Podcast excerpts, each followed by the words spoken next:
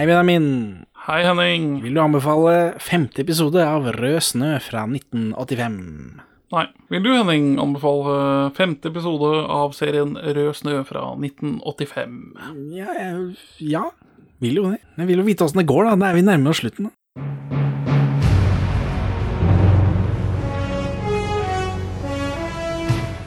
Med disse ord erklærer jeg Perla for svin. åpnet for ordinær drift. Velkommen til Perleforsvin, podkasten for deg som begynner å se for deg Evert i konsentrasjonsleir. Makt und nebel på Evert, please. Vi er- Velkommen til Perleforsvin, podkasten for deg som vil se en radmager Evert stablet som en tømmerstokk. Naken. Naken radmager Evert. Vi er to middelmådige menn i 30-åra som ser norske filmperler. Og hva er vel norsk TV, om ikke bare en lang norsk filmperle? Rød episode fem starter med en recap, som alle, disse, alle andre av disse episodene. Og så kommer von Bromsten med frokost til tryllekunstneren. Slitsomt. For han vil lære seg triks og imponere damer med. Dette er jo etter at han har hørt eh, eh, Sven Nordin bare raile Kjersti Holmen gjennom døra. Er en, dette er bare en lengre sekvens hvor denne tryllekunstneren sjonglerer en hatt og liksom synger og ordner og styrer. Det er bare dritt. Det er bare Det er, bare, dritt. det er jo gøy å se på at han trikser. Da. Jeg, tror det var det, jeg tror det var det det var i eh, TV-monopolets tid. Se, Ja. se på dette som ikke du har sett noe annet sted, liksom. Det er litt mindre imponerende nå, selvfølgelig, men Han eh, han er litt sånn til forveksling lik han doktor Totenkopf i den første Indiana Jones-filmen. Ja, det er litt det samme ja, han er litt sånn Jeg syns han er litt sånn uh, Roger Ebert-tryne. Ja, han er midt mellom Roger Ebert og doktor Tottenkopf, tror jeg han heter. Han skurken som får sånn brennmerke i hånda. Ja, ja, ja. Han med kleshengeren. Ja, ja, ja. ja. Torturredskap, kleshengervits. kul kleshenger. Eh, Holmen våkner alene. Ja, hva er det det? Sven Nordin har dratt en sånn Han bare poff, blir borte. Snekt seg ut. Fått det han ville ha. Han blir borte i hvert fall. Klokka er borte også. Men plutselig så er Lars der med sin egen klokke. Lars ser herja ut. Sånn i forhold til Kjersti Holmen og Sven Nordin, liksom. For dette, han ser jo ut som om han bor på gata, denne skuespilleren. Men jeg tror det bare er sånn han ser ut. Ja. Og så er Kjersti Holmen og Sven Nordin så superglatte og liksom tenåringspene. ja. At han ser eh, sliten ut i forhold. Men han har, jo vært, han har jo vært lengre i det okkuperte Norge, så det passer jo bra, det. Ja, disse andre er jo supermodeller, liksom. Og så, ja, og så um, Jeg vet ikke hvordan det var med seksualmoral under krigen, jeg. Men når Kjersti Holmen spør han Å ja, så du har vært der inne og tatt klokka allerede? Eh, Så du han andre som var her? Da, har Kjersti Holmen er der med, med broren sin, hun har på seg sånn neglisjé. Og så, og så ja, da så du han andre fyren, og og så biter hun seg sånn i leppa sånn. Sånn flørtent. Det Jeg vet ikke åssen forhold de har seg imellom, men det er kanskje gøy at hun puler, jeg vet ikke. Kanskje de, de har jo vokst opp sammen, kanskje de har henta hverandre på fylla, liksom. Ja. Jeg vet ikke, henta man folk eh, på 40-tallet, man ble jo bare liggende. Hadde ikke noe bil. Nei, må jo fyre opp knottgeneratoren, da. jo, men sånn før 40-tallet også. Det er ikke vanlig med bil, regner jeg med. Men uh, han tyskeren er eh, on the up and up, da. Han er liksom ekte. Altså, det er faktisk han som er kontakten. Ja. er, man blir alltid litt bekymra i den, TV-serien her, at det er mye rare folk. Vi ser at Lars må dra så fort som mulig, altså tilbake til Norge, helst samme kveld, når han har levert disse papirene da, til Kjersti Holmen, som skal levere disse til tyskerne igjen, eller sånt. de må leveres til Göteborg. Med en gang. Eh, og så eh, er Sven Nordin ute og eh, kjører på Von Bromsen på ski. Løype! Løype. Humor. Kjempegøy. Er det humor? Ja, det er humor at han, Evert, er sånn teit og står i veien og ikke klarer å flytte seg ordentlig uten å miste ting. Og Oh, ja. det er ja. slapstick. ja, på han, ja. Jeg tenkte, for han, eh, Sven Nordin kjører jo som en pikk her. Kjører nesten ned, stakkars von Bromsen. Og så kommer farbror Melker til frokosten. Han vil snakke med tyskeren. Og von Bromsen går ut i stallen og klager til hesten igjen. Eh, og han hopper på det ganske lenge, mens vi ser et par ben som bare henger og dingler i bildet, med tyske marsjstøvler på. Og så er dette er det tredje liket von Bromsen finner da, når han snur seg. så for tyskerne har hengt seg. Ja, men OK. Vi har fått etablert, tror jeg, at faren til von Brømsen er dau. Ja. Jeg tror han fant han også.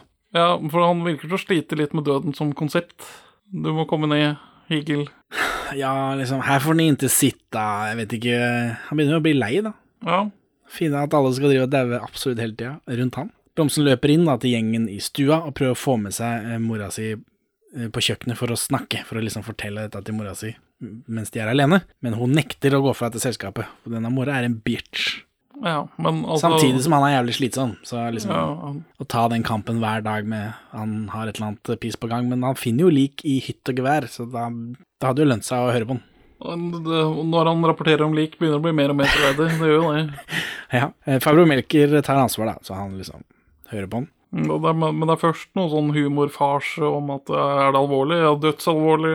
Han er død! Han er død. Mora ringer politiet, da, som det er jo eh, Politi og militær er to forskjellige ting, det har det ikke vært tidligere. Nei, men det ble også da brukt til noe sånn forviklingshumor, da. Altså Jo, for han Fabro Melker vil jo helst ikke at de skal ringe politiet. spionsjef versus lensmann. Ja. Politiet avhører von Bromsen i låven, mens Melker også er der. Fabio Melker har tatt ned tyskeren, og politiet er ikke imponert over måten han håndterer dette åstedet. Nei, og så skal han drive og dekke over for et eller annet, og det blir liksom bare sånn kleint og rart. Ja, dette er rart. Von Bromsen sier at det er masse andre døde folk også, og Fabermerke prøver å dekke over det av en eller annen grunn.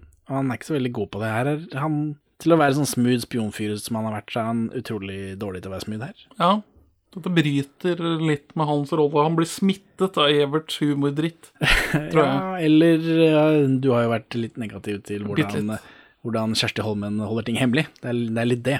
Han eh, er litt dårlig på å holde ting hemmelig, plutselig. Det virker ikke som tyskeren hadde rekt opp på egen hånd, og ingen har brukt stigen, og stigen er hengt opp igjen, og bla, bla, bla. Det er masse greier. Jeg vet ikke hvordan De fikk han verken opp eller ned uten stigen, noen av dem. Nei, spørs jo hvor, hvor repet var festa. og De kunne liksom heist han over en takbjelke eller noe. Ja, men han kan jo ikke gjøre det, hvis det er han som har tatt selvmord. Nei. Heise seg opp. Holmen og Lars er på rommet. Lars sender Holmen til Göteborg med papirene. De må vekk begge to, for det er en forræder på pensjonatet, osv., osv. Og så får vi forklart hva som er i disse papirene. da. Eh, ja, etter hvert, ja. Hva er det, da? Det er jo um, papirene om Papirene kan forandre krigen. Ja, herregud, det er jo den eneste historien om krigen nordmenn kan. Det er nettopp det. Eh, så da, da har. Husker, husker du den fabrikken på Rjukan? Der bestefar går? Ja, der, ja. Eh, Tyskerne er interessert i fabrikken. De lager noe som heter tungtvann. Unnskyld meg. Er det det, er det, det man lager på fabrikken eh, i Rjukan? Ja, ikke noe annet. Det er, det er jo hydrogenproduksjon de bruker dette enorme fossefallet til å lage, for det krever masse strøm å utvinne hydrogen fra vann. Men tungtvann er et biprodukt av dette. Så det er, ikke, det er liksom ikke hovedproduktet. Det er ikke det Rjukan sin store fabrikk er kjent for. Det er ikke tungtvannfabrikken på Rjukan. Det er hydrogenfabrikken på Rjukan. Hva gjør de med oksygenet de får til overs, da? Eh, De, Pusser opp. ja, det er det de fyller sprøyter med. ja, så du må ta det ut. Nei, men det skal, og så er det sånn H2O. Tungtvann er H3O, og du sier at de produserer hydrogen, så da har de tatt ut en H. Da har de en O til overs. Blir det denne? Forsvinner vel ut i lufta, da. Kan hende. Men i hvert fall, serien har tidligere etablert at vi har kommet oss til i hvert fall 28. november, tror jeg. Ja, det husker jeg ikke, men ja.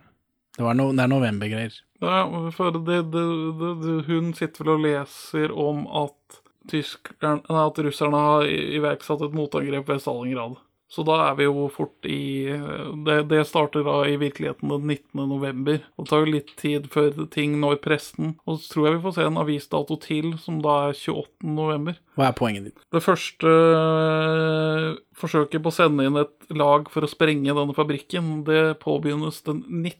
november. Så det er litt anakronistisk at, det liksom, at informasjonen kommer ut på dette tidspunktet. Hvis ikke han eh, lar seg streve som med å komme seg til grensa, at eh, det er noen andre som har eh, vært der før, han kommer med gammel nytt. Ja, det er, det er sånn den historien om Balto. Det er flere forskjellige hundesleder med disse papirene. Ja. Eh, politiet og Melker bærer liket av tyskeren inn på rommet hans, eller på dette gamle rommet til faren til eh, han fjåsedusten eh, Thomas von Bromsen. Og så er det noe greier her med noen blomsterpotter, og han slår huet til denne tyskeren. Liket blir jo dassa rundt oppi trappa der, det, det Jeg bare, det husker jeg ikke, for jeg bare sitter og soner ut hver gang Evert er på skjermen. Eh, ja. Nede i stua så blir eh, Sven Nordin avhørt av politiet. Von Bromsen er også der av en eller annen grunn. Han drar inn hesten som vitne. Ja, ja. Veldig mye hestehumor òg. Så kommer koret og ødelegger hele dette forhøret. Morsomt. Det gjør vi hver dag, da. Det Nærmer seg jul, vet du. Det er ganske lenge til denne julemessa, De sier også i første episode at de er ganske dårlige, så de må øve en del. Ja, Og så er de jo damer, liksom. De har ikke noe annet å gjøre. det er sant. Eh, Farbror Melker driver og snuser på hvorfor Holmen var så lenge på rommet sitt. Hun skal ikke tenke så mye på tyskerens død. Ja ja, går ikke noe sted. Så driver eh, tryllekunstneren og Nordin og prater. De sitter i en sidestue og driver med korttriks og noen greier. Og her bare wow, nå skjer det noe. Tryllekunstneren sier at Nordin spiller sin rolle bra, men at det ikke er plass til ekte følelser. Da, da, da. Er denne klovnen på tysk side også? Altså, tryllekunstneren er jo en klovn. Er han på tysk side? Denne fyren? Han virker ikke bare til å være på tysk side, han virker også til å være handleren til Hans. Ja, og tryllekunstneren sier at kureren har gitt papirer til Holmen, og at han eh, kommer til å dra i natt, altså denne kureren, og at Nordin må stoppe han. Og da driver Sven Nordin og stresser. Tryllekunstneren sier at Nordin har eh, sveket det en gang allerede. Det er en ordre å drepe denne kureren. Og så Holmen dagen etter? Eller? Ja, det er det han sier. Hva er dette sveket en gang allerede? Hva er det for noe? Eh, det er vel Det alluderes vel til at noen av de som har blitt drept, ikke har blitt drept av Sven Nordin. Kanskje? Jeg vet ikke. Eh, men da jeg visste at det var Sven Nordin, da. Hurra for meg. Han, altså, han signalerer ganske mye. Denne staute frontkjemperen av en fyr. Staute motstandsmannen, tror jeg du mener. Man ser veldig frontkjemperpropaganda ut i denne. Ja, men du var jo helt Dreiv og råka kukken og var helt på de i første episodene hvor flott han var. Kom ikke her som du har visst dette hele tiden. Jeg har mislikt hans spillestil. Visste ikke at det var han som var skurken før episode tre eller noe sånt. Jeg joina på Jeg joina etter hvert på at det var noe meget muffens med han. Ja, men ikke de to første episodene. Da var jeg bare grinte på spillestilen hans. Ja. Nordin, ass, the lady doth protest too much. Virker ikke som Nordin har lyst da, til å gjøre dette, av en eller annen grunn plutselig. Ja, han har jo fått ekte følelser, da. Han vil jo stake opp Kjersti Holmen resten av sitt liv. Ja ja. Ja ja. Jeg har ikke sett det i spillet. Nei. Men det, ja, det hintes jo til det nå, da, når han er motvillig til å utføre sitt oppdrag. Er han ikke en troende ideologisk nazist, dette? Tydeligvis ikke. Han ble jo sur av denne Hitler-dukken. Det har vært en av de tydeligste hintene. Ja, men eh, da, eh, nå, da, i etterkant, så føler jeg kanskje det er fordi han syns det er litt ubehagelig at handleren hans kommer til dette personatet. Ja, Ikke at det var denne Hitler-dokken som var problemet. Eh, For et dekke for en tysk spion å ha. ja, Ingen vil mistenke meg, for jeg latterliggjør Hitler med min overraskende imponerende dukkebruk. Det er han, ja. ja. Eh, Men så tenkte jeg på Sven Nordin. Han, har, sånn, han sier jo tidligere at det er noe Gestapo-tortur i fot og sånn. Jeg tenkte kanskje det var det sist gang han sveket dem. Var det det, liksom? At da måtte de straffe ham med å ta foten hans, eller et eller annet sånt. Jeg vet ikke. Hvor kommer det fra? Hvem er det som har torturert foten hans? Kommer bare noe piss han sier, da. Men han har jo feid over Kjersti Holmen, nå må jo merke det. Eller altså, må jo ikke, men eh, skulle jo tro sjansen var større, hvis ikke han har sex med sokkene på, selvfølgelig. Det folk gjør det. Ullsokkene på, raggsokkene på, for han er en god norsk nordmann. Imens da, eh, så har Holmen rota på rommet til Nordin og finner noe kart og noe greier, eller hva er det å, hun finner her? Hun finner iallfall en luger til slutt, og det er jo liksom fy-fy. Ja, det er litt muffens. Og akkurat da så kommer Sven Nordin inn, og holder med en pekepistolen på han, og det er dette bildet du har reagert på før. spoiler for meg. Ja, men jeg følte liksom at dette her er jo, dette er jo en, eh, en forviklingsserie, en spenningsserie, så jeg tenkte dette her kan jo være en misforståelse. Det kan det jo fortsatt være. det er det jo for så vidt, eh, eller ikke egentlig, men eh, Sven Nordin sier dette er misforståelse, og han får liksom redda opp i dette, selv om det ikke var det. Men, så jeg tok ikke noen sånn notis av det, akkurat av det bildet. Men hun peker da på han, han ser litt nervøs ut, men han avvæpner henne lett. Så skulle vært litt lettere på triggerfingeren eh, der. Ja, og hvordan tar man av sikringa på en luger, og så må du trekke de greiene for å lade? Jeg har aldri helt skjønt det. Nei, det har jeg ikke noe greie på. Hun kunne prøvd, da. Og, og prøvd å trykke på avtrekkeren, liksom. Se hva som skjedde. Nordin sier at han har tatt den av en tysker han drepte. Og så er de mistenkelige med hverandre før Holmen stikker, og Nordin drar fram en snifle. Sniper rifle. Ja, Et ord jeg fant på i dag, veldig bra. som jeg likte godt. Så er det Hellstrøm og Von Bromsen. De er nede i stua eh, etter at alle har dratt. Og Bromsen er grinte da, fordi Holmen er så forelska i Nordin. Er hun det? Hva er dette? Jeg ser ikke det i spillet. Nei. Ser ikke det i spillet. Det mangler, mangler litt på det. Det kan hende bare Von Bromsen ikke har misforstått, da. At uh, han hører at folk feirer hverandre, og så tror han at eh, det er det samme som forelskelse. Hellstrøm råder uh, at han kan jo prøve seg for det. Det er krig og fred, så er krig og kjærlighet, i hvert fall, så er alt lov. Ja, nettopp. Selv om hun er forelska i han, jeg bare å prøve seg det, din idiot. For han veit jo også at dette er en klovn, ikke sant. Han sier 'skyt ned honom bara'. Litt sånn dumt ordvalg eh, akkurat nå. Ja, det er jo veldig i vinden, da. Og så er det kvelden. Lars tar adjø med Holmen, og så sniker han seg ut. Og Holmen sjekker rommet til Nordin, og han er borte. Og musikken stiger mens Holmen går inn i rommet, og der er von Bromsen plutselig, for han skal faktisk skyte Nordin. Ja, er det, er det planen hans? Ja, for det, han har med seg en hagle, som vi jo har sett tidligere, som han eh, jakter elg på hest med. Rifle. Var det rifle? Ja, ja, det var det. Ja, ja gunneren, da. Gunneren. Gatten. Eh, ja, ja, han virker jo ikke akkurat som, som drepetypen, men han er visst det, da. Ja, men Hvis han sliter med å gripe om dette konseptet eh, død, så kan det jo hende at han ikke vet at det er konsekvensen av å skyte han. Men det virker som han, har møtt en del døde folk, så han forstår jo på en måte konsekvensen. Han blir jo ganske forferdet når det skjer. Ja, det er sant, det er sant. Holmen hiver seg på skia i hvert fall, og fyker ut i snøen. Lars skier av gårde, og Nordin skyter han fra skyggene med sniperrifla, men ikke to ganger. Nei, han ser på at han fortsatt er bevegelse i han uten å skyte igjen. Ja, hjelper det da? Er det, er det, kjedelig å bli skutt én gang, uansett? Ja, men det er jo Det, det, det kan jo være skadeskyting med vilje, da. Ja, nå har ikke jeg sett den siste episoden. Sånn ref at han, at han var viste seg å være litt sånn øh, motstridig til å drepe. Eh, Men bare nå, den eh, Ja. Den, Forutsatt at han har drept noen av de andre, da, det vet jeg jo heller ikke. at uh, Ja. Det var mer alvorlig å ligge med folk under krigen. Tydeligvis. Det Det Von- fikk veldig alvorlige konsekvenser for mange, i hvert fall. Det gjør det vel nå også, kanskje. Ikke like ofte, men det hender jo. Von Bromsen får det for seg at han skal vente på Holmens rom med geværet sitt. Av en eller annen grunn. Lars er truffet i skulderen, og Holmen tar ham med tilbake til pensjonatet. Og von Bromsen ser på klokka. Nå er det visst morgen. Så han eh, sprader ned på kjøkkenet og insinuerer overfor mora si at han har pult Holmen. Rart. Hva er, det, hva er denne karakteren driver med? Hvorfor er han fortsatt med? Ja, det kan man faen meg lure på. Så kommer Lars og Holmen, da. Og von Bremsen blir sendt opp på rommet hvor tyskeren tilfeldigvis ligger for å hente noen legegreier. Jeg får hente noen linskjorter og noen ting man kan bruke til forbinding med. Og... Og da setter denne tyskeren seg opp i senga. Han lever. Slutt. Tenkte jeg, fuck, den helle måned. Vil intrigene ingen ende ta? vil det hva?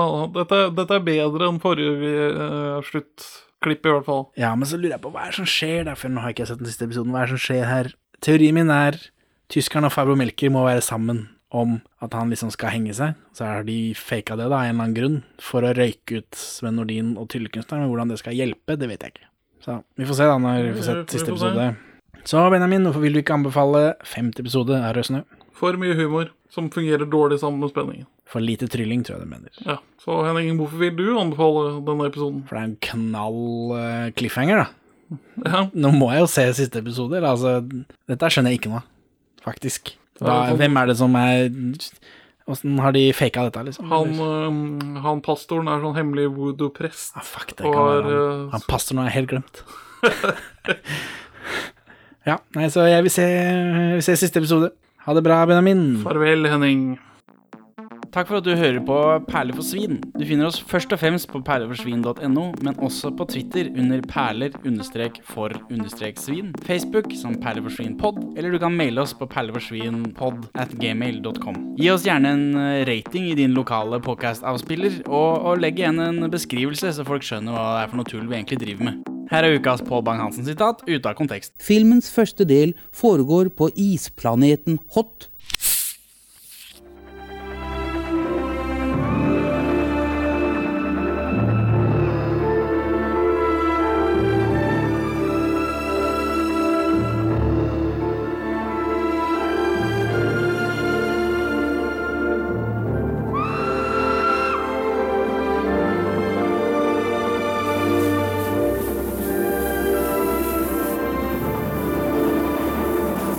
La det svinge, la det rock'n'roll. La det svinge til du mister alt kontroll. Nei, jo. Det er det. Nei, jo. Nei, jo! La det svinge, la det rock'n'roll.